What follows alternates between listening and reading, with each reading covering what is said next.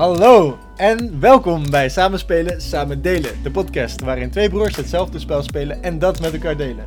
Het is vandaag 24 februari en we zijn op aflevering 7 van ons verslag van Assassin's Creed Valhalla.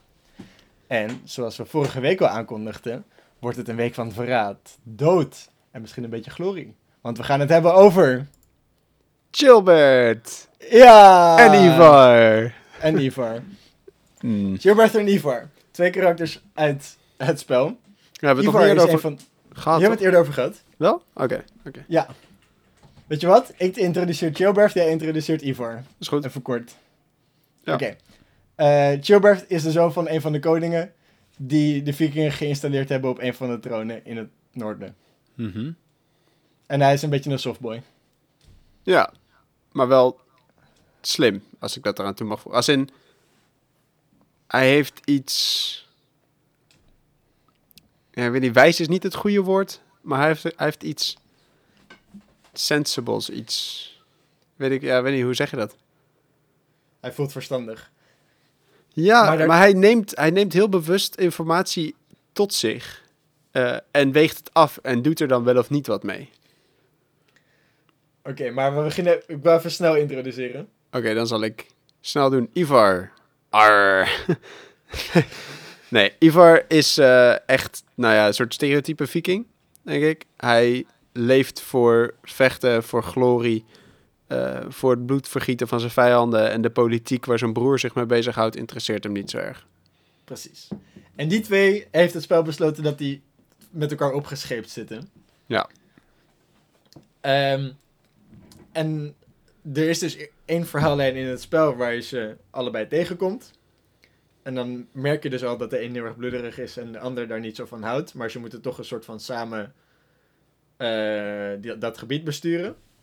En in het verhaallijn die we nu allebei gespeeld hebben, zijn ze samen in een ander gebied wat ze over willen nemen. Waarvan de bedoeling was dat Gilbert eh, de regie zou overnemen. Ja, Maar-. Ja. Hij gaat dood. Ja. Helaas. Je voelt het ook wel een beetje aankomen in het spel. Ik niet. Niet? Nee, het was Nou, maar dat was zo'n-. Zo'n klassieke luwte. eh, de eh, quote-unquote vijand eh, was iedereen een beetje een soort op zijn gemak aan het stellen. Een van je hoofdpersonages gaat in zijn eentje jagen in het bos. What Nee, could op, possibly go dat er, wrong? op het moment dat er reden was om aan te nemen dat er iets met Gilbert gebeurd was, toen was ik wel in paniek, maar daarvoor was het allemaal... Nou, toen hij zei dat ik ga jagen, toen dacht ik ja. Maar dat was, maar dat was wel heel, wel heel erg vlak voordat hij doodging. Dat was...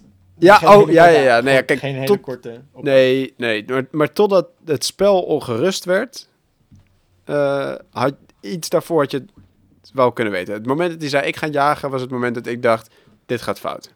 Ja. Denk, die Eh, en vrede, even- die, vrede die, ze wil, die, die de tegenstander wil, gaat niet gebeuren.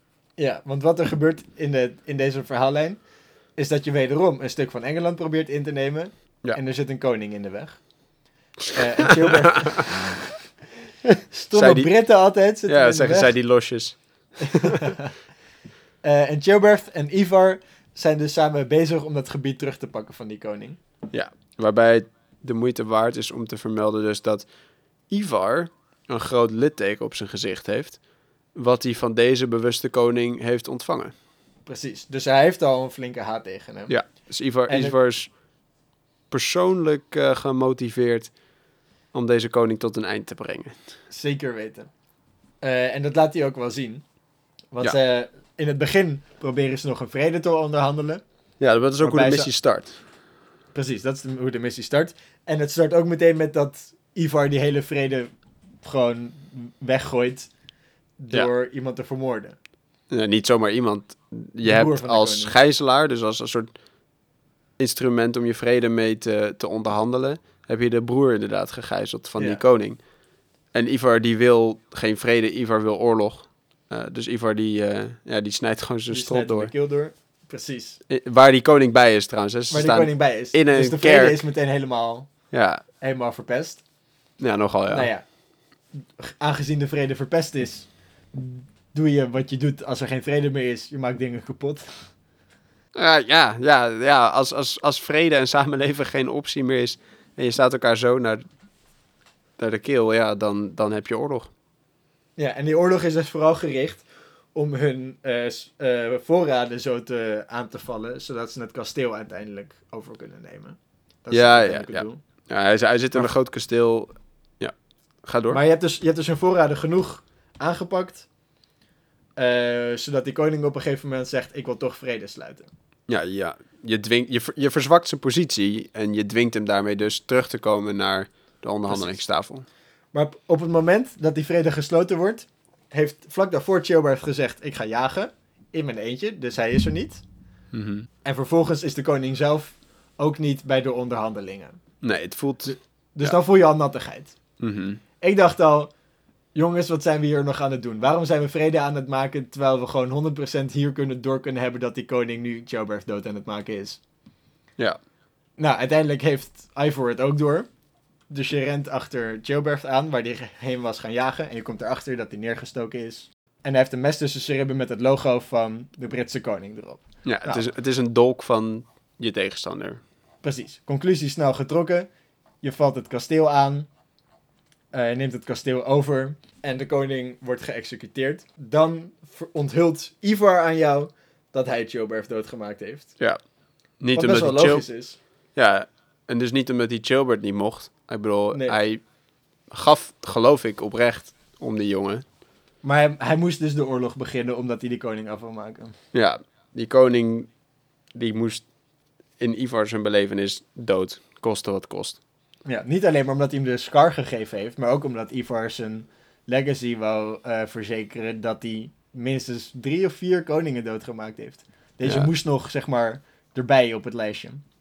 Ja, ja wat, waar ik, wat ik al zei in mijn introductie, eh, strijd en glorie, dat is waar die man voor leeft.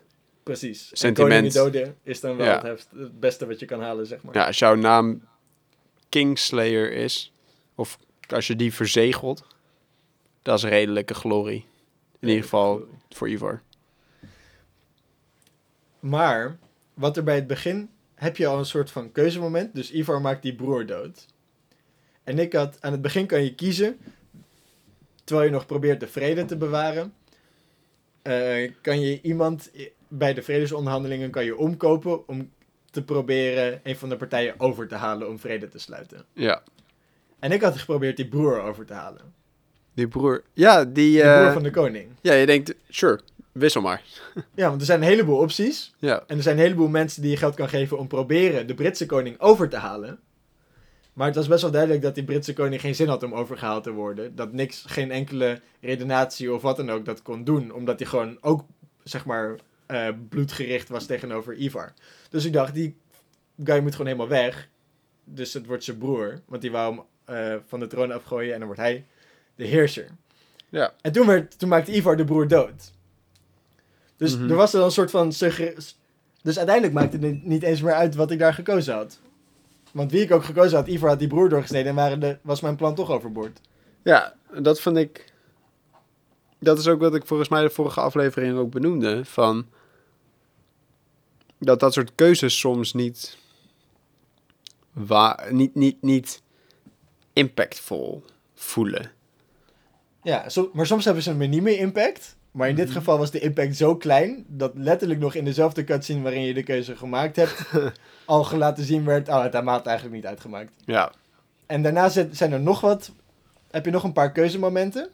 En het voelt alsof het spel.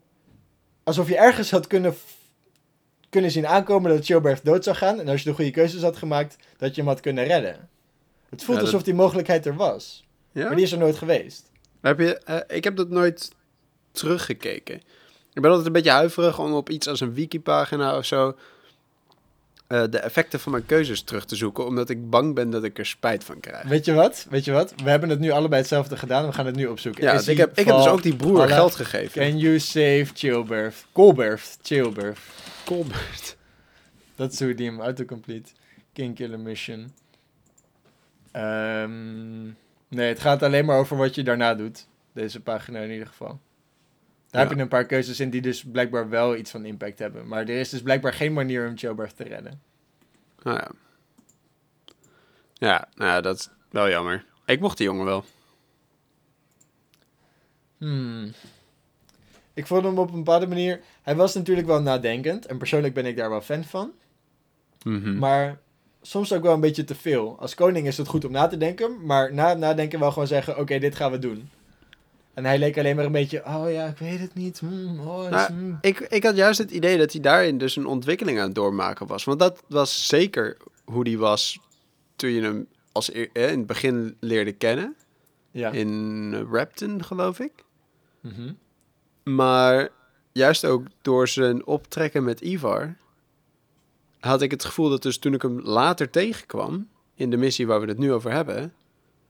dat hij daarin dus gegroeid was. Dat hij ook wat strijdvaardiger was geworden. Ga iets meer ruggengraat in het algemeen. Ja, je hebt wel gelijk. Want we hadden het ook over... ehm, dus dus hoe, hoe complex of diepgaand... of hoe uitgewerkt sommige karakters wel of niet zijn in dit spel. Ja. ja. En ik vind dus juist, ik heb de- had dus juist bij Chilbert het idee dat je heel goed zag dat hij dus met echt een soort polar opposite, echt, echt het compleet tegenovergestelde van hemzelf, Ivar dus, mee aan het optrekken was. En dat hij daar kleine stukjes van tot zich nam. Ja. Wat dat betreft was hun relatie wel een hele ongelijkwaardige. Want Gilbert leerde van Ivor. Eh, dus Gilbert is veranderd als karakter en Ivor is alleen maar extremer geworden in zijn, zijn lust voor bloed. Ik weet niet of hij, ik, ik weet niet of hij extremer is geworden. Ik denk dat hij, Hij heeft dus... zijn eigen vriend neergelegd omdat hij iemand anders om wou leggen. Ja, maar ik denk dus dat Ivor was altijd zo. De eerste keer dat je hem ontmoet, is hij mensen aan het, aan het villen. Letterlijk. Hij Ja, heeft ja, ze opgehangen in een kerk aan hun voeten en is aan het villen. Oké, misschien is het dan niet per se een extremere versie, maar in ieder geval een soort van doortrekking van het pad waar hij op zat. Ja. Hij En- is niet en- veranderd. Dit is een soort van de logische conclusie van hoe hij zich gedraagt. Ja, Droeg. maar hij wil, hij wil dus zelfs met... Hij, hij gaat jou bevechten ook nog. Ja, want hij denkt, als ik, dat, als ik ook nog de machtige Ivor te pakken krijg, dan ben ik dan... Nou, ik vraag me dat dus af. Ik heb het vermoeden dat hij dood wil. Dat zou ook kunnen. Ik heb het vermoeden dat... eh, Want wat je net ook al zei... Hij wilde dit soort legacy maken. En hij vertelt ook... Je wordt op een gegeven aan het eind van, die, van dat Rapton gebeuren... Of, of eh, in een van die twee missies waar hij in, eh, hoe heet het, intensief bij betrokken is... Daar word je ook Ja. een, ga, ga, je met, ga je samen drinken en praat je met elkaar. En dan vertelt hij ook dat hij echt nul ambities heeft buiten een, een strijdleven. En dat hij, Ja. hij benoemt ook dat hij ouder wordt. Dus Dus, ik, dus hij was sowieso... Hij, begon tegen de leeftijd te komen dat hij niet meer op iets anders kon gaan doen. Dus hij moest wel dood. nou ja, ik, ik, ik denk dat hij niet geconfronteerd wilde worden met dat hij zijn hoogtepunt aan het verlaten was. Ja, ja. En dat hij. Dat, dat dit eigenlijk gewoon een soort eervolle zelfmoord was. Want ja, als je dan toch een soort. Ik bedoel, zeker op dit punt in het verhaallijn. heb je als. Evor zijnde echt wel reputatie opgebouwd. ja. En je bent ook sterker dan hem. En je bent sterker. Dus dan. Dat, dat is wel een soort van. Ik snap het wel. Hoe, hoe Ivar's karakter in elkaar steekt. En zeker met die, met die rechtlijnigheid die, hè, die jij benoemde. Waarvan ik ook echt het idee heb dat. dat het, voelt niet onnatuurlijk. Sommige karakters voelen een soort eendimensionaal en daarmee een beetje leeg. Eh, maar Ivar voelt wel alsof hij er gewoon ooit een soort keuze heeft gehad in zijn leven. En dat hij gewoon nog verder deze kant op is gaan leunen. Hij heeft, het, hij heeft zich er echt ingeworpen in de... Dit ben ik, dit is mijn identiteit. En dit is dus ook hoe ik sterf. Ja. Eh, aan de handen van een krijger groter dan, dan ik. Nadat Ja, ik mijn eigen... Ja, hoe zeg je Dat dat? is de enige manier waarop ik mag sterven. Ja, Waarop eh, ik wil sterven. Want dat Ja, is wie dus- ik ben. Wa- wa- wa- Want hoe zou zo iemand met zo'n kijk op zijn leven anders moeten gaan? Als je er even soort, als je je verplaatst in, in hoe hij erin staat. Welke opties heb je? Heel veel alcohol drinken, misschien. Maar inderdaad, dit is voor. Het, het klopt dat dit. Dus wat ik net zei, van dit is dat logische pad voor, of het logische einde voor zijn pad, dat, daar hoort de manier waarop hij uiteindelijk tegen jou zegt, ik wil je vechten tot de dood. Ja, want dit Dat is, dit, is, dit is iemand die vele grote vijanden dus ook bevochten heeft. En altijd gewonnen. Ja, precies. Dus de enige manier waarop hij ook echt in een gevecht kan doodgaan, is door iemand te bevechten waarvan hij weet dat hij sterker is. Ja. En dat ben jij dan. Ja, eh, Denk, eh, denk ja. je dat er een mogelijkheid is dat hij nog eigenlijk ook wel gewoon schuldig voelde over het feit dat hij in zijn ambitie om die koning dood te maken zijn vriend doodgemaakt heeft en dat hij daar ook gewoon niet mee verder wil leven? Oeh. Dat is niet de indruk die ik van hem kreeg. Nee, hij laat er helemaal niks van blijken. Ja, hij zei wel, hij zei wel dat hij oprecht gaf om Chilbert. Ja, Dat hij wel. gaf om hem, maar daarbij laat hij niet echt heel erg veel spijt blijken. Nee, maar dat is dus... Ik, ik, ik denk dat het of twee dingen kan zijn. Ehm, ik, nou, ik, denk, ik, ik vermoed voornamelijk dat hij zo erg achter zijn keuze stond... dat hij dit als een soort wel overwogen keuze heeft gemaakt. Het was niet een, het was niet een impuls, heb ik van hem het idee. Nee, hij heeft het wel gepland inderdaad. Hij heeft het, hij heeft het gepland, hij heeft hierover nagedacht. Ja. Ehm, dit zou in een rechtbank met voorbedachte raden genoemd worden. Zeker weten, zeker weten. En Want hij heeft hem expres met de dolk van de vijand neergestoken zodat je ging aanvallen. Hij heeft hem letterlijk alleen maar doodgemaakt als play om zijn zin te krijgen. ja, ja hij heeft, gewoon, hij heeft, hij heeft, hij heeft in, zijn, in zekere zin zijn dame opgeofferd, zou je in schaken zeggen. ja, dat, dit was hoe hij zijn, zijn uiteindelijke doel heeft behaald. Dus Ja. ik denk dat hij. Ik denk dat hij het, het aan de ene kant dus oprecht jammer vindt, maar aan de andere kant er ook helemaal achter staat, want anders had hij het niet gedaan. Hmm. En Wat, vind je, eh, wat vind je van het einde? van de je, kan questline kie- je kan kiezen hoe die sterft. met de zonder zijn bijl. Precies. Het, het, het vikinggeloof als bij, ding, als bij een puntje is dat als je Mhm. strijdend ten onder gaat, eh, dan mag je naar Valhalla. En bij het strijdend ten onder gaan hoort er dus bij dat je eh, je wapen vast hebt. Ja, dat vind ik altijd een soort interessant. Ik heb het gevoel dat bijna elke. en, eh, dat, dat, dat, en dat dat dan weer zo'n uitleg is. Weet je wel, van of je strijdend ten onder bent gegaan of niet, wordt dus kennelijk gedefinieerd door heb je je wapen vast. Ja, Punt. want hij Dat is is- duidelijk wel strijdend gestorven. Ja, ik wil zeggen, wat, als jouw huis over, als jouw huis binnengedrongen wordt en je hebt geen wapen in de buurt en je bevecht alle vijf de, de, de rovers die je huis binnenvallen met je blote vuisten en je krijgt en je somehow vermoordt er drie zonder ooit een wapen vastgehouden te hebben voordat jij zelf doodgaat. En dan ben je alsnog geen... Ga mag je niet Ik wil zeggen, dan staat Odin daar, die staat naar jou te kijken en die denkt, no, nah mate, nope, nope, Helheim for you. Ja, dat is How weird. dare you?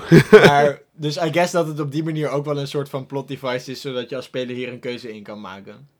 Door hem wel of niet zijn bel te geven. Ja, en het is ook wel dus een, een soort, zeker in dit, ik bedoel, het gebeurt vaker in dit soort vikingenrelaties, tenminste die vibe Ja. krijg ik ervan, dat je dus aan het eind ook nog een soort, ehm, ga je een soort eervol, en dan zeg ik uit elkaar, wat technisch gezien zo is, maar eh, je, bedoel, je beslecht een strijd waarvan er eentje dus sterft. Ja. En dan kan je dus eigenlijk hem, hem of, of soort vriendschappelijk en, en met eer afsluiten. Dus door hem zijn wapen te geven. Of je kan soort bitter zijn tot het eind. En hem zijn wapen en daarmee dus in ieder geval ten aanzien ook van iedereen zijn, ja, zijn, zijn, zijn hemel ontzeggen. Ja, welke keuze heb jij gemaakt? Ik heb hem de bijl gegeven. Ik ook. Ik Wat is jouw dacht, redenering? Ja, nou, ik dacht dus, ik ben het niet. Ik, ik, ik op een persoonlijk niveau ben het niet eens met zijn keuzes. Ehm, en, en ik vind het omleggen van Chilbert niet eervol. Nee. Maar zeker ook als ik kijk naar bijvoorbeeld Odin als karakter. eh, die toch een soort van, ik bedoel, dat is waar hij wel of niet naartoe gaat, zo heb ik er naar gekeken. O- Odin zou hem willen. Ja.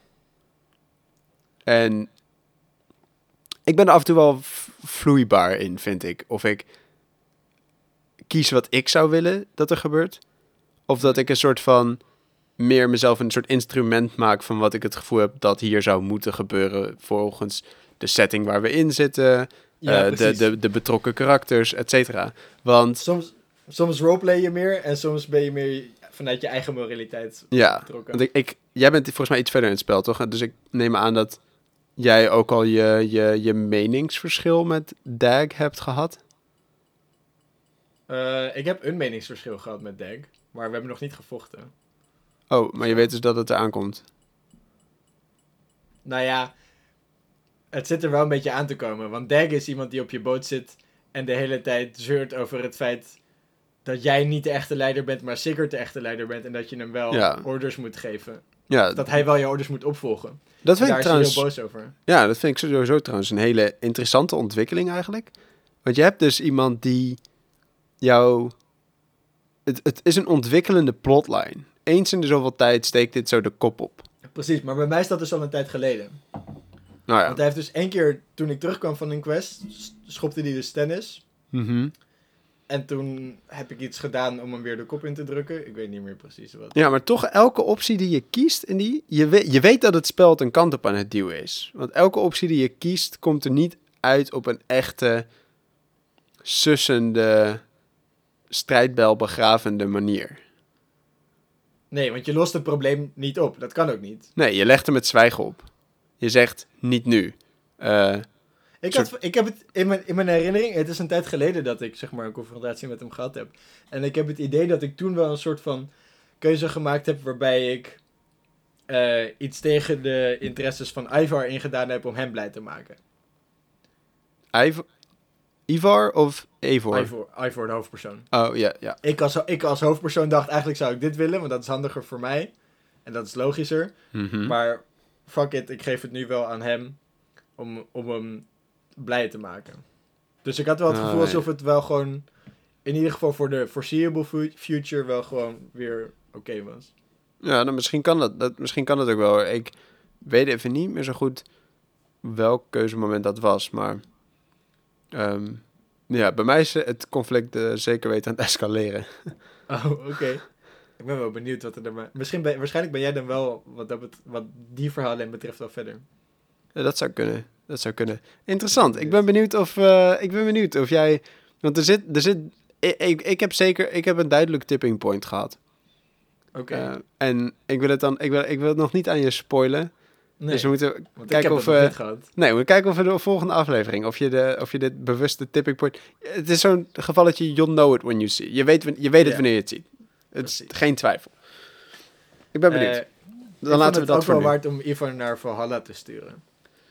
Eh, en dat is ook een beetje wat jij zei vanuit het idee. Ik vind het persoonlijk als Hidde inderdaad verwerpelijk dat hij iemand die hem vertrouwde afgemaakt heeft. Ja. Eh, maar voor de rest heeft hij precies het leven geleid waarvoor mensen naar Valhalla gaan. ja, Dus hij verdient het wel. en hij is... Kijk, het is... ehm, er is een film die ik een keer gezien heb. Over, eh, even heel kort, een generaal die ehm, voor, de krijg, eh, voor de krijgsraad gekomen is en nu dus in een ehm, militaire gevangenis terecht is gekomen. Ja. Waar een hele hoop mensen zitten die dus dingen hebben gedaan die tot oneer of ontslag en uiteindelijk dus eh, een militaire gevangenis geleden, geleid hebben. En die man die gelooft er dus in dat als jij dus, en zo zegt hij dat tegen de mensen die die dus, hè, de, de personen die hij tegenkomt in het verhaal, zegt als jij 90% van je leven en je gedrag eh, marinier of whatever geweest bent, en je hebt dus één keer je laten gaan, je hebt een fout gemaakt, je hebt iets dergelijks gedaan, niet om het goed te praten, hè, maar zegt hij, dan ben je in mijn boek nog steeds een marinier. Ongeacht dat je dus nu hier zit, omdat jij eh, eh, op de vuist bent gegaan met je officier, bijvoorbeeld. Want Ja. dat, dat zijn dingen waarvoor mensen daar zaten. Of bijvoorbeeld eh, ergens een keer ehm, een ander, ander soort, soort, in dus ogen van het leger, onvergeeflijke fouten hebben, begaan. Ja. En zo'nzelfde iets heb ik daarmee dus ook naar Ivar, geke Ivar dus gekeken. Ja. Van, hij heeft inderdaad zijn hele leven zo geleefd zoals je zou, tussen haakjes, dus zou moeten leven Ja. voor Valhalla. Ja, precies. En ik weet niet Dus ik helemaal zou hem niet naar zeker... de christelijke hemel sturen. Dat verdient hij zeker niet. Nee. Maar wel naar Valhalla. Want dat is... De... Ja, eh, de Hall of Warriors wordt het Precies. genoemd. Ja. Maar ja, Maar ik weet niet zeker wat Odin zou vinden van het omleggen van dus je vriend, je, je, je toch ook Nou ja, strijdkameraad op dit moment. Dit is, Strijdkameraad, Maar wat, waar, het vooral, waar het wel op neerkomt, is dat het gewoon een koudbloedige moord is. ja, En, vaak en dat is wel anders. Vaak is dat wel zo'n eer, eerblamage dat je daar dat het op zich eigenlijk ook wel genoeg is om in welke religie dan ook het feit tot het, de toegang tot het positieve hiernamaals toch wel ontzegd wordt. Ja, Dus ook al is je 90% goed, is deze. Kijk, met je officier op de vuist gaan is in de ogen van het leger heel, heel heftig. Maar iemand in koude bloeden vermoorden is in de ogen van de volledige mensheid af- afgrijzelijk. dat klopt. Maar tegelijkertijd-. Maar tegelijkertijd zijn er ook zat religies, of in ieder geval, ik kan een paar voorbeelden noemen, maar eh, laten we om enige discussie te voorkomen, niet per se met namen en zo. Eh, maar er zijn een hoop momenten waarop je ook eh, vergeving kan krijgen van je zonde. Een hoop middelen zijn er altijd ook geweest. Als in, ehm, er zijn ook stromingen waarbij inderdaad één keer de fout ingaan ehm, je voor altijd afschrijft. Ja. Eh, maar er zijn ook zeker stromingen waarbij vergeving en, en ehm, soort terugkeren naar het licht, denk ik dat wel een goede omschrijving is, dat dat Mhm. mogelijk is. Ja, maar dat, dat, is- dat is misschien wel mogelijk, maar dat is niet wat Ivar gedaan heeft. Ivar is gestorven vlak nadat hij de zonde begaan had, zeg maar. Ja, maar ja, ja ik vind En ik ook... denk ook niet dat zeg maar, het geloof in Odin heel erg vergevingsgezind is. Aangezien zeg maar, doodstraf wel een gebruikelijk ding was voor grote vergrijpen.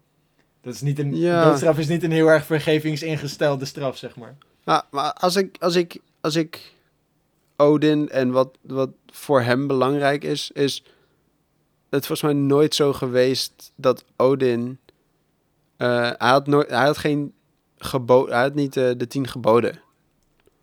Of iets dergelijks. Hij had geen tot nauwelijks van dit soort gedragsregels in steen geschreven. Wat Odin had het vooral nodig dat hij aanbeden wordt. Oeh, dat is wel een... Ik denk dat dat best wel een grote eh, stap is in de interpretatie van de motivaties van een god. Maar ik kan, die, ik kan wel uitleggen waarom ik dat denk. En Nou. dat is een, een vaker eh, en uit verschillende bronnen terugkomend ding.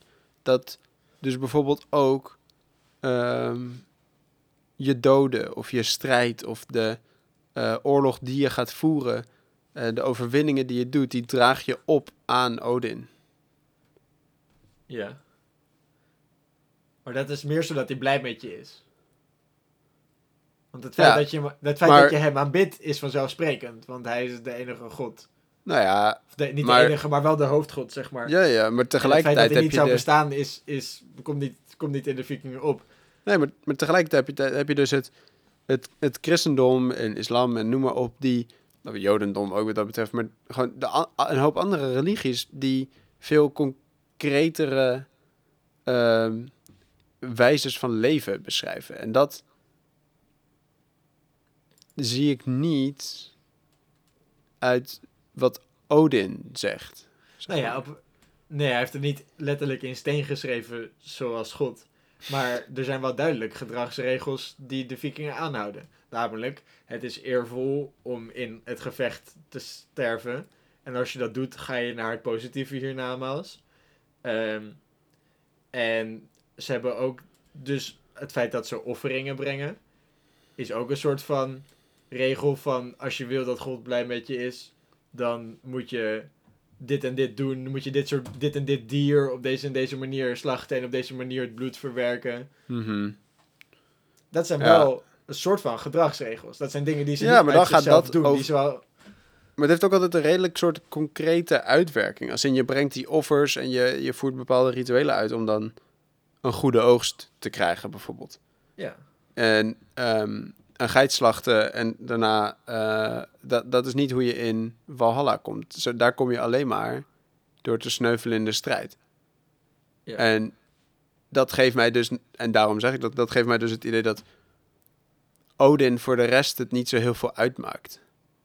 En Nee, wat, precies. wat voor offers heb je verder gebracht? Hoe heb je verder je leven geleefd? Dat maakt minder uit als je maar sneuvelt in de strijd.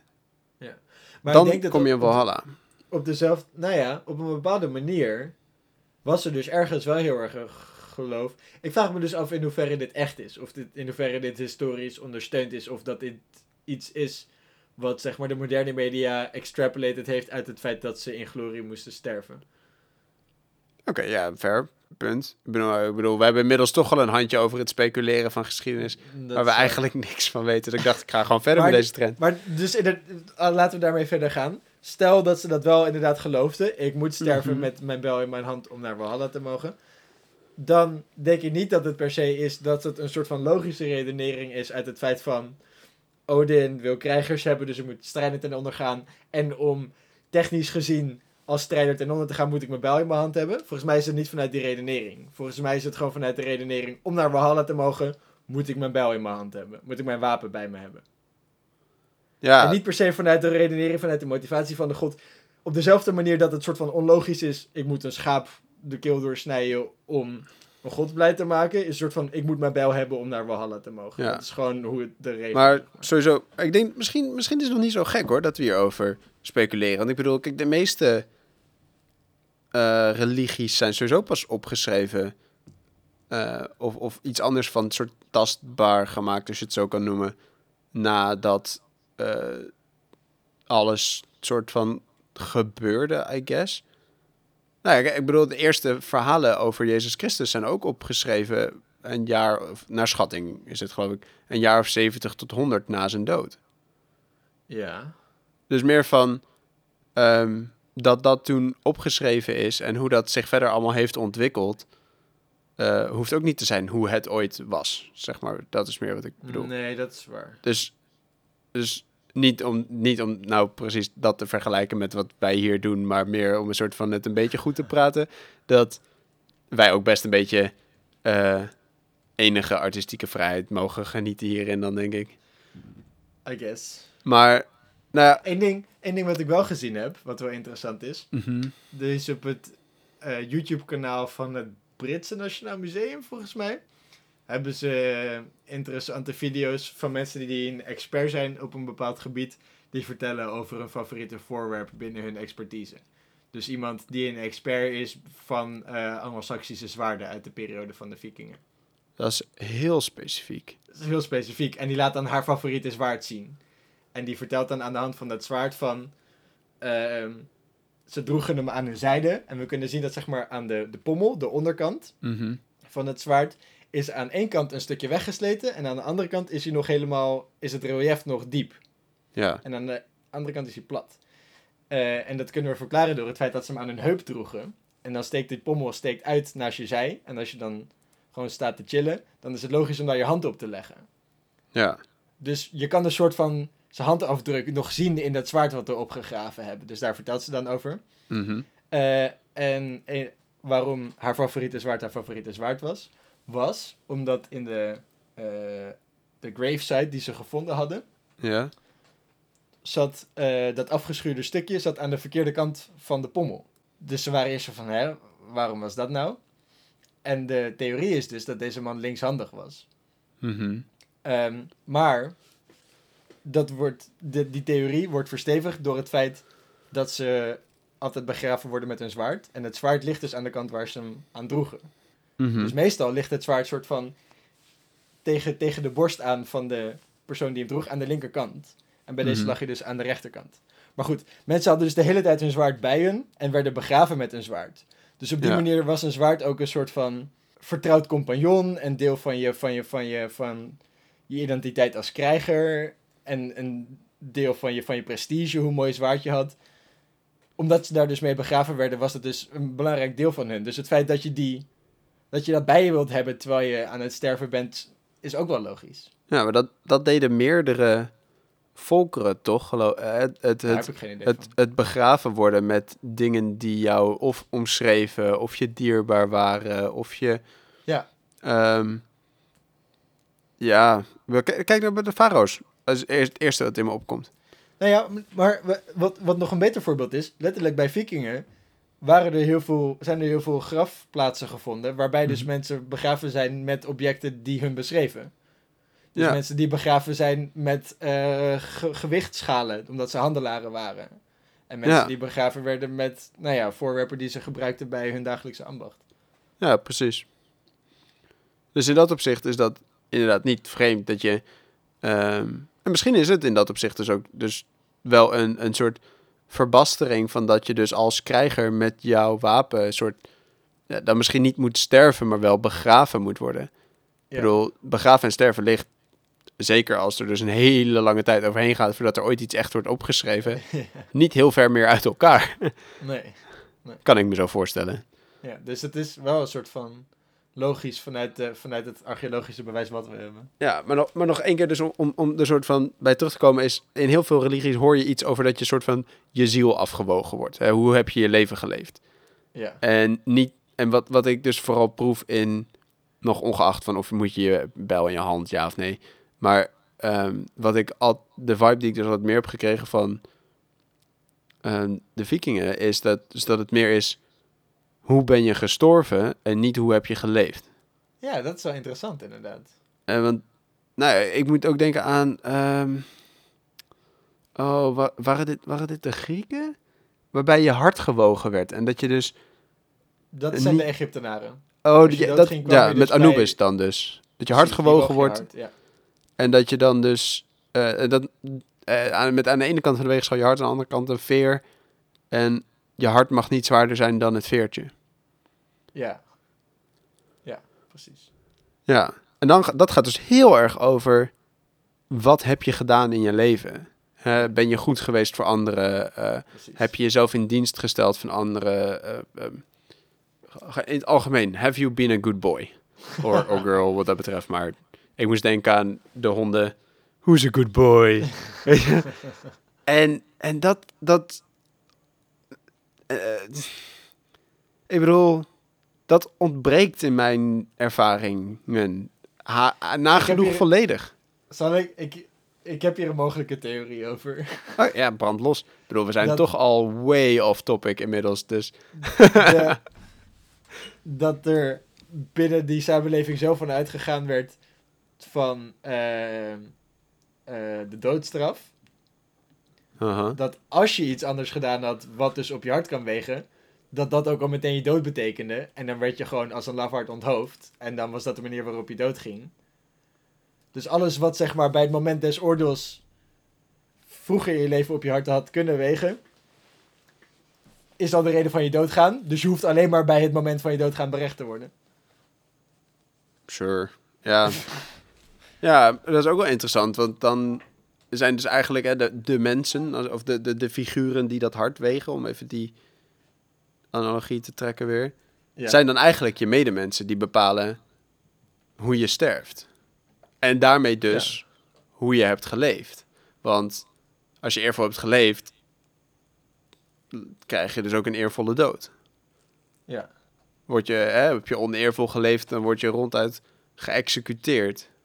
ja, of verbannen of wat dan ook. Ja, of, of, maar in verbannenheid zit ook geen eervolle dood. Nee. Tenzij je natuurlijk later in je leven alsnog strijdend ten onder gaat, I guess. Maar Ja, dat gebeurt soms wel. ja. Ja, maar eh, ja, ik vind het dus eh, ik vind het interessant. Maar dat is dus, want daar hebben we zo begonnen we erover. Dat is dus wel ook waarom ik dus Ivar wel zijn, zijn bijl heb gegeven. Omdat hij dus, in ieder geval hoe ik er naar keek, dus wel gewoon zijn... Eigenlijk is het interessant. Ik heb daarin dus in de beslissing dus meegenomen hoe hij zijn leven heeft geleefd. Ja. Realiseer ik me nu. Ja. Dat is wat ik heb mee laten wegen in geef ik hem zijn bijl, ja of nee?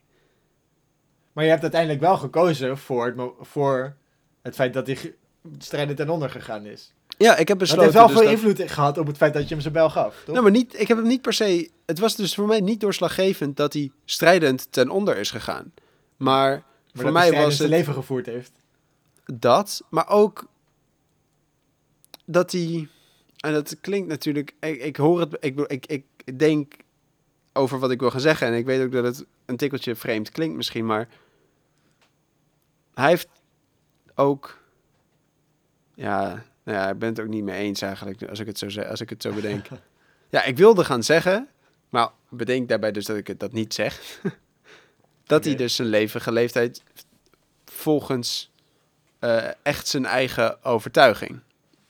Maar er zitten natuurlijk een hele hoop haken en ogen aan, want er zijn een hele hoop mensen die hun leven leven volgens hun eigen overtuiging. Ik bedoel, Ja. Hitler deed dat ook. En ja, dat is wel het makkelijkste voorbeeld inderdaad. Ja, dat is wel echt een van de makkelijkste. Mao heeft het ook gedaan. Ja. Eh, dat dat zijn nou niet de per se de mensen waarvan je zegt, ja, natuurlijk, ja, nee, ja, ja, je hebt je leven geleefd volgens je eigen overtuiging. Er zit ook een zekere grens aan, Ja, ja, zeker. maar ook die is dan weer arbitrair. Maar ja, eigenlijk had ik dus puur voor de Viking Way moeten zeggen, oké, ja, sure, ja man, je bent de strijder ten onder gaan, goed bezig.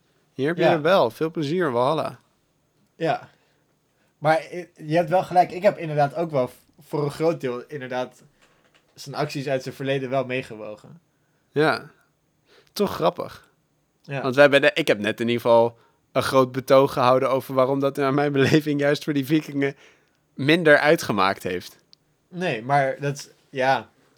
Kijk, op een bepaalde manier kan je dus wel een soort van inleven in het feit van hij, hij heeft verraad gepleegd en een vriend doodgemaakt, maar hij heeft, we hebben, dus we hebben ons wel ingeleefd in het feit van, oh, hij, een, een, in deze wereld is strijden en mensen doodmaken en plunderen goed. En dat heeft hij veel gedaan, dus hij verdient het, het goede hiernaarmaals. Dus op die, zover hebben we ons nog wel in kunnen leven.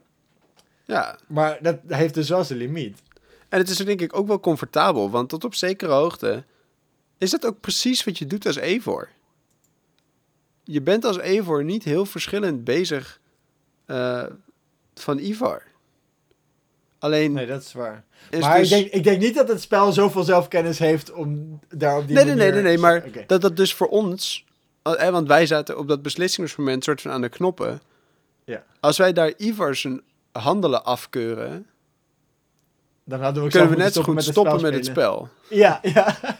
Ja, toch, ik bedoel, ik, ik zeg niet dat het spel daarmee een diepgang creëert, maar wel dus dat, ik denk dat dat meeweegt voor onszelf, omdat wij misschien het dus ook het soort van ja, relativeren wat we zelf aan het doen zijn. Niet dat wij zelf naast de vrienden omleggen, maar ik heb bijvoorbeeld laatst een world event gedaan.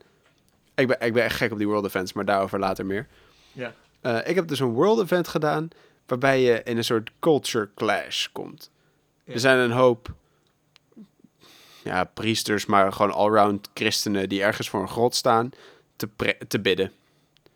Eh, en je vraagt wat er aan de hand is. Ja, en er zit een of andere soort tovenaar die eh, dieren eh, tegen mensen opjut in die grot.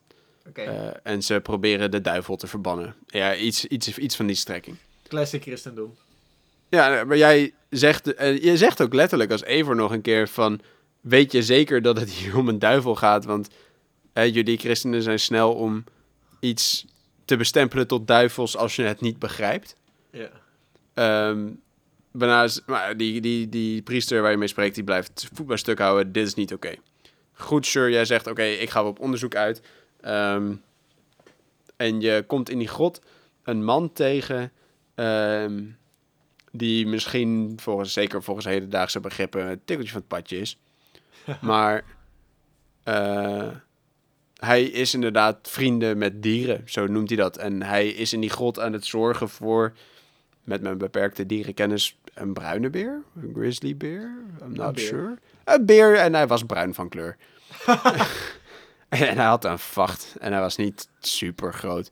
Anyway, daar was hij voor aan het zorgen. Die beer die was gewond. Mensen hadden, hem, mensen hadden die beer verwond tijdens een jacht of iets dergelijks. Ehm, Probably. maar goed, die man die verklaarde dus gewoon liever vrienden met dieren te zijn dan met mensen. Sure. Ja, maar ik bedoel, dat is nu nog steeds. Ik bedoel, we noemen nog steeds mensen ook cat ladies en zo. Ik bedoel, het is liever vrienden zijn met dieren dan met mensen is ook in deze tijd niet heel erg gewoon. Maar ik kan me ook voorstellen dat in die tijd, zeker als je dus praat met dieren, het wel als een soort teken van een soort bezetenheid gezien zou kunnen worden. Maar anyway, je krijgt er dus de keus. Ehm, of je kiest soort van zijn kant, want hij heeft zichzelf dan verdedigd en daarmee zijn mensen gewond geraakt en verwond. Maar ja, zijn argument is: ik heb niks bij, bij ik heb niet iets bij iemand gedaan wat ze niet ook bij mij of mijn vrienden, dus zijn dieren, hebben gedaan. Ja. Ehm, en dan krijg jij dus de optie: of ik praat wel met de monniken buiten, of je bent nog steeds een moordenaar. Eh, en dat is, daar staat dus dat, die twee rode bijlen bij, a.k.a. Ja. de, de vechtoptie. Precies. Eh, ik heb daar dan dus gekozen voor... Oké, ik, ga met die- ik ga terug naar die monniken. Ja. Maar eenmaal buiten dacht ik, ja, was dit nou? De praatoptie was weg bij die monnik. Dus je moest de monniken bevechten. De enige optie die ik had was assassinate. ik dacht... Is, is hier geen midden, middenweg? ja. guys, Nee. guys. I know, we can talk about this. Maar terwijl ik mijn handen naar ze uitsteek, schiet dat mes opeens eruit. Een beetje zo'n soort gevoel, weet je wel? Ja, ja. Dat- En, nou ja, goed. Dus ja, ik had ook zoiets van, ja... Ik sta hier misschien niet helemaal achter. Eh, maar ja, ik wil wel deze world event completen. Dus, eh, I'm sorry, dude. Press F to assassinate. ja. Maar... Je, kan- je kan dan ook Ah. niet gewoon, gewoon niet kiezen om weg te gaan of zo. Nee, maar het spel houdt je daar dus wel een spiegel voor. Want je moet om de world event te completen terug naar die man... om te vertellen dat het gevaar voor hem dus geweken is. Want je hebt één van die monniken omgelegd, de rest is gevlucht. Oh ja. En ehm, hij zegt ook tegen je eh, iets van... Nee, oh nee, nee, nee, niet nog meer bloed. Eh, het wordt alleen maar erger nu. Eh, we- oh, ik ga moeten vertrekken. Ik kan hier nooit meer terugkomen. Zoiets. Oké. Zegt. Wat ik wel snap, want hij heeft ook gelijk. Ik bedoel, Ja. dat ik die monnik daar heb omgelegd, lost niks op. Nee, die man maar- wordt nog steeds gezien als een door demonen bezeten iemand. En in best case eh, nemen ze mij niet per se iets kwalijk, maar leggen ze mij alleen maar te lasten dat ik ook bezeten ben. En dat de demon die daar in huis in die grot mij ook overgenomen heeft. En daarom dat ik, heb ik die monnik vermoord. Maar niks het is dan voor jou veranderd alsof het spel jou een spiegel voorhoudt? Nou ja, kijk, ik heb daar dus die monnik omgelegd. Ja. En waarom is dat erger dan, of waarom is dat minder erg bedoel ik dan dus dan Ivar die Chilbert omlegt? Ja. Sure, het de- niveau van verraad is wat dieper, maar dat is, dat is in zekere zin puur emotie. We hebben allebei een leven genomen wat we niet hadden hoeven nemen. Nee. Maar ik vind in het voorbeeld wat jij nu geeft, de reden waarom je die priester hebt moeten vermoorden, is niet omdat jij soort van eh, dacht, dit is de beste course of action, maar omdat het spel jou dat als enige course of action gaf. Ja, maar Dus tegelijkertijd het past spel het meer wel. een spiegel op naar zichzelf, naar het, naar het feit dat het spel niet buiten, zeg maar, de een doodmaker of de ander doodmaker Mm. kan denken. Nou, waarom ik het dus ehm, naar, je, naar mijzelf noemde, is omdat het dus ook wel gaat over een soort van de eendimensionaliteit van, van Evor in dit scenario. Ja, bedoel- dat is waar. Evor heeft wel enige mate van tact, maar dat komt eigenlijk voornamelijk met soort vleierij die je met flighten unlockt. Ja. Maar de dus wat complexere politieke manieren om dingen op te lossen, en nou, laten we het soort psychologie en sociologie noemen, ja. nou, die zijn niet aanwezig. Wat Nee, niet per se ehm, erg is, maar dat is dus precies waarom ik zeg, het is ook in lijn met de, de het, het klopt met de lijn die je volgt als Evor, dat je daar Ivar zijn bijl geeft. Want als je Ja. daar om dus hoe Ivar zijn leven heeft geleefd en dat jij dus het afkeurt dat hij Chilbert heeft vermoord, als je daarom Ivar zijn bijl misgunt en daarmee dus zijn kans op Valhalla, dan, dan moet je jezelf haast op dezelfde manier beoordelen of je bent ronduit hypocriet bezig. Ja. Dat is, dat is waarom ik het eh, op die manier dus vergeleek en met, eh, met die spiegel. Ja, dat snap Ik wilde nog één ding, ehm, voordat we, eh, we- volgens mij zitten we ook alweer bijna aan dat de tijd op is. ik. Ja, zeker. Maar ik wilde nog één keer echt wel ook Assassin's Creed Valhalla en hier, hier- hierin ehm, ja, soort complimenteren op dus de, zeg je dat, de mystery events, de, de, de, De World Events. de world events. Ja. Die vind ik echt ontzettend goed. Ze voelen heel vaak heel natuurlijk. Ik ben in zelden van, eh, van de, de, de spellen die ik heb gespeeld nooit heel erg geweest van side missions. Ze Ja. voelen dat het heel kunstmatig en alleen maar als een soort afleiding van de, van de hoofdstoryline. Ja. Maar nu, eh, je, rijdt, je rijdt ergens langs en ehm, ik, zat dus, ik zat in een quest met, in, in Lincolnshire en dan moest je een of er, waren, er wa- was dus een, een soort. Er was iemand die aan de touwtjes aan het trekken was en die probeerde dus een kandidaat voor de troon om te leggen de hele tijd. En je rijdt op een gegeven moment ergens langs een punt waarvan ik dus echt zoiets had van, ja, ik wil me dus niet bezighouden met een side mission. Ik ga gewoon even die main questline doen, want die intrigeert me, die wil ik verder spelen. Ja. En dan rijd ik daar langs. Ehm, dus even vol bewustzijn, ik ga die side, sidequest niet doen. Maar dan realiseer ik me dus hoe soort geniaal die sidequest is opgezet. Want wat is de sidequest? Er is eh, een NPC die verrekt te veel lijkt op de ehm, kandidaat voor de troon die jij dus aan het beschermen bent in die quest en waar je dus naar op zoek bent op dat moment. Oh. Die wordt daar dus ontvoerd door een van die soldaten die, die dus aangestuurd worden door de je weet nog niet wie. En de world event is dus dat je hem moet redden. Je moet dus die soldaat achtervolgen en ja, vermoorden of gewoon verslaan. Dus het is, Ja. het is, gewoon, het is gewoon een voedsoldaat. Het is, het is echt niks spannends. Maar de sidequest was dus uiteindelijk onderdeel van de main quest? Nou ja, niet, nee, niet eens, nee, je had prima de main quest kunnen doen zonder dit. Maar dit was gewoon dus een soldaat die was opgedragen te zoeken naar iemand eh, volgens deze beschrijving. Hè, zo van blond haar, ongeveer zo hoog, Oh. draagt dit soort kleuren kleren. Het is gewoon een NPC die in uiterlijk dus leek Oh, op een van de hoofdpersonages. Maar het was hem niet. Oh. En je, re- je redt dus in een, in, in een random world mission waar je langs rijdt, terwijl je je quest doet, ehm, zet je dus een soort, soort onrecht recht. Ja. En dat vond ik. en af en, toe, af en toe meer van dat soort kleine dingen. Dat je echt een soort. Je bent steeds bezig met een soort grote hoofdlijnquesten. waarin je koningen maakt of breekt. En, eh, En dan heb je met één soort groot soort politiek spel. Wat zei je? En dan heb je af en toe gewoon dit soort kleine dingetjes ertussendoor. Ja, je hebt dit soort dingetjes. Of, of nou ja, een tikkeltje, een, een, een, dus een, een luguber voorbeeld. Maar dus hè, die, die, die monniken en die man in die grot met zijn dieren. ehm, het voelt allemaal heel triviaal. Maar het past wel heel erg in waar het in staat. En ze zijn super divers. Ja, dat is wel heel erg het geval. Eh, eh, er zijn af en toe world missions waarvan, of, of world events waarvan je dus denkt: oh ja, ja, ik heb eh, we zijn een soort gelijk iets eerder tegengekomen. Ja. Maar over het algemeen, bij elke world event die ik tegenkom, heb ik echt weer zoiets van: hoe, wat gaat het dit keer zijn? Ja, ja.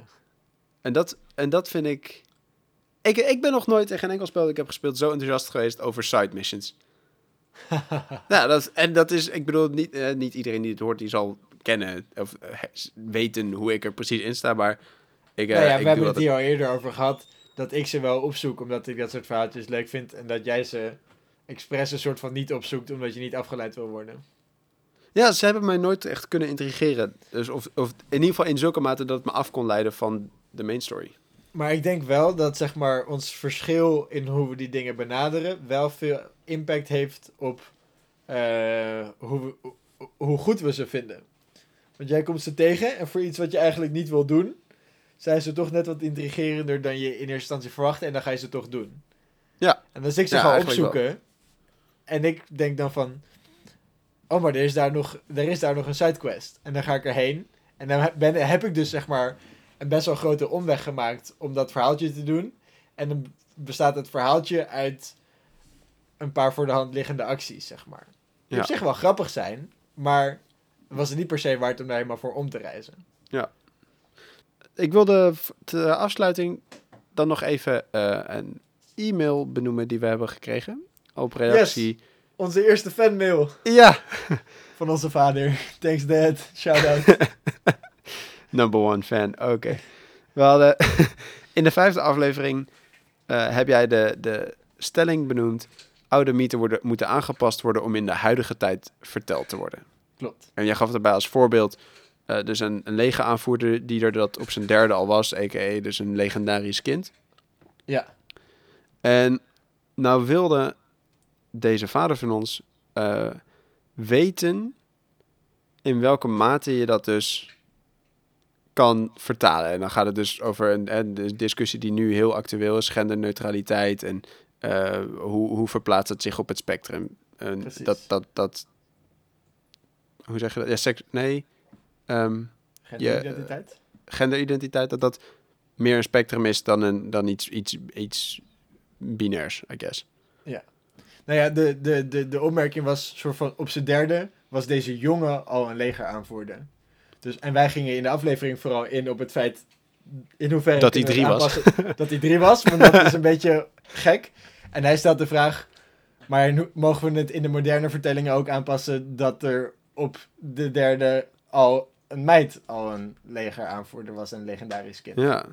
Nou, dat ik, is ook best wel een heftige aanpassing aan het verhaal ik denk, natuurlijk. Ik denk dat, ja, maar ik denk, kijk, ik denk dat het korte antwoord daarop is natuurlijk ja, want uh, we hebben al besproken dat um, aanpassingen op dit soort verhalen uh, geaccepteerd wordt. En in de, ja. in de mail zelf zegt hij ook dat um, uh, dus, dus een Bart, een, een verteller van verhalen, muzikanten, uh, sowieso al hun verhalen aanpassen op publiek. Wat niet vreemd is natuurlijk, want die zijn voor hun brood en inkomen ook afhankelijk van of het in de smaak valt. Niet alleen precies. of het historisch accuraat is, maar nee, valt precies. het in de smaak. Dus ik... Op dezelfde manier dat dus degene die nu uh, verhalen vertellen, dus bijvoorbeeld de podcast waar ik naar luister, die Miete naar mij, aan mij vertelt, die ja. past ze ook aan, zodat mensen naar zijn podcast luisteren in 2020. Ja, maar ik wilde er dus nog twee dingen, want we zitten eigenlijk over tijd, dus ik wilde er nog twee dingetjes daar dan aan toevoegen. Want één, dus het korte antwoord, ja, dat kan. Ja, zeker. Ja, lijkt me uh, helemaal prima aanvaardbaar. En het laatste is ook dat ik denk dus dat daarin de uh, vikingen misschien nog wel al eerder wat begonnen waren in een soort, in ieder geval een soort gelijkheid. Met dus dingen als schildmaagden. En dat dus in mythes er een hele hoop vrouwen waren die ook om bijvoorbeeld krijgshaftigheid beroemd waren. En dus een soort mythische status bereikten. En dat het dus niet een soort ja, weet ik, ja, weet ik, dat, dat, niet, dat dat niet een, iets was wat, waar een soort zeker glazen plafond in bestond. Iedereen die in de strijd iets, hoe zeg je dat, iets heldhaftig, iets, iets mythisch waardigs presteerde, kon die status bereiken. Tenminste, dat is hoe ik dit beleef. Ik heb hier een beetje gemixte signalen over opgevangen uit de verhalen ah. die ik gehoord heb. Dus aan okay. de ene kant ik heb er een paar, ges paar uh, geschiedeniskundigen over gehoord.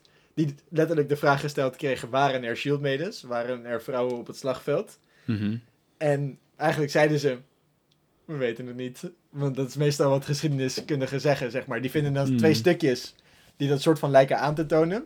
Maar twee stukjes is dan niet genoeg om dat echt als bewijs te hebben. Ja. Um, maar uit de mythe die ik gehoord heb, is het een beetje allebei. Er zijn een paar uh, dus inderdaad, zeg maar, erg sterke vrouwen die meevechten en ook dat is... veel, veel zelfbeschikking hebben. Maar dat is ook eigenlijk waar dit over gaat, toch? Ik, sorry dat ik je onderbreek, maar ja. het gaat niet over wat zeggen geschiedkundigen of wat was waar, ja of nee. Maar we hebben het over hoe gaat het in wat, verhalenvertelling. Wat dat is zeker waar. Dus in de verhaalvertelling zijn er inderdaad bij de, bij de, uh, de viking-mythe een paar verhalen waarin veel vrouwen met zelfbeschikking zijn. Die uh, hun slome en lafaard mannen maar aansporen om, zeg maar de macht te gaan grijpen, wat dan ook. Of het dan maar uiteindelijk zelf maar gaan doen. En maar tegelijkertijd, tegelijkertijd zijn er ook stukken van het verhaal waarin een vrouw wil van haar man scheiden. En de manier waarop ze van hem scheidt, is uh, door hem in een list te lokken waarin hij eruit ziet alsof hij vrouwenkleren draagt. En dat is zo'n schande dat hij zich als een vrouw kleedt, dat dat reden is voor haar om hem te mogen scheiden. Dus dat is dan weer niet een hele progressieve gendernorm, zeg maar. Nee, maar het is wel uh, listig. Ja. Het is wel listig. Als in, je kan, ze, je kan, je kan niet zeggen dat, ze als, uh, als, dat de vrouw daar als dom wordt afgeschilderd. Nee, maar wat, wat, er, wat er dus wel ja. gezegd wordt is... als je als man eruit ziet als een vrouw... dan ben je niet meer serieus te nemen. Dus dat zit dus ook wel in, in, in bepaalde mythen.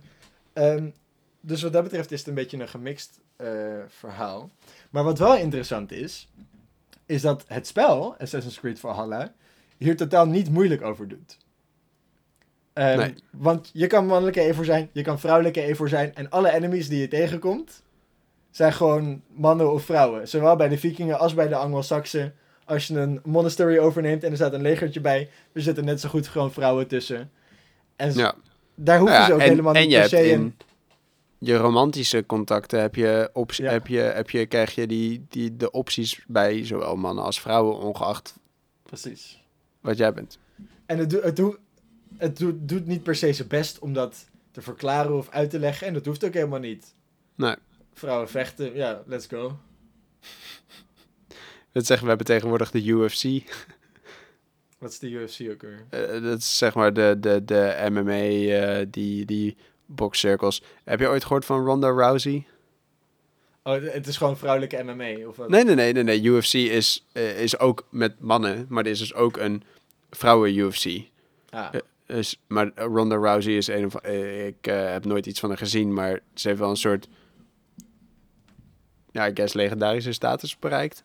cool. Ze is... Ja, tenminste, ik vind het legendarisch dat als er een naam naar voren komt die ik dus ken zonder dat ik de sport volg, dan vind ik dat je mag zeggen dat je binnen die sport wel wat bereikt hebt als mensen die de sport niet volgen je naam kennen. Precies. En dat is dus een, een, een, het is, het is een vrouwelijke ja, atleet eigenlijk, die kennelijk zo goed is in wat ze doet, dat het dus ook bij mensen terechtkomt die dat niet weten wat ze dan precies, gedaan heeft. ja. En het is binnen, binnen het spel vind ik het wel leuk dat ze dit gedaan hebben. Ja. Want het is dus wat dat betreft wel een soort van moderne opvatting dat we bezig zijn met eh, feminisme en de emancipatie van vrouwen. Ehm, dus daarom zit dat in spellen van tegenwoordig. En sommige mensen doen daar een beetje moeilijk over, want, want het is niet historisch accuraat of zo. Maar niks in dat spel is historisch accuraat. Dat is niet Ja. helemaal waar. Ze hebben heel erg veel geld uitgegeven en heel erg veel moeite gedaan om historici te raadplegen over... eh, Ja. om dingen accuraat te maken. Maar binnen het spel hebben ze ook heel vaak het advies van die historici gewoon volledig genegeerd om het cooler te maken. Ja, snap ik. Het, Ja. het is uiteindelijk een entertainment medium. Dus, Precies. Dus, why not woman? Ja, en je zei net zelf ook wel dat historici ook geregeld moet zeggen, we weten het niet. Ja. Dus ja, ik bedoel, ja, Ja. nou goed. Zeg maar, Anyway, zeg maar pleit, pleiten voor historische accuraatheid, waarbij je in een spel een power hebt om zeg maar vijf meter de lucht in te springen en één iemands hoofd er meteen af te hakken. ja. Geen hele sterke. ground Nee, maar enjoyable as fuck. Precies. Maar dat is als een vrouw spelen ook, dus you know, ja. stop het erin. En met dat hebben wij een mooi einde van onze aflevering bereikt. Ehm, dat was weer het delen van deze week. Wij gaan weer lekker verder met spelen. Mocht jij nou ook met ons willen delen, dan kan je vragen en opmerkingen sturen naar spelendelen.gmail.com. De muziek Yes, is doe gemaakt... dat vooral. Doe dat vooral, vinden we heel leuk om te lezen. De muziek is gemaakt door Forsure. Als je geïnteresseerd bent in zijn tracks, dan kan je daar meer van vinden op soundcloud.com slash iamforsure. En tot volgende week! Tot volgende week.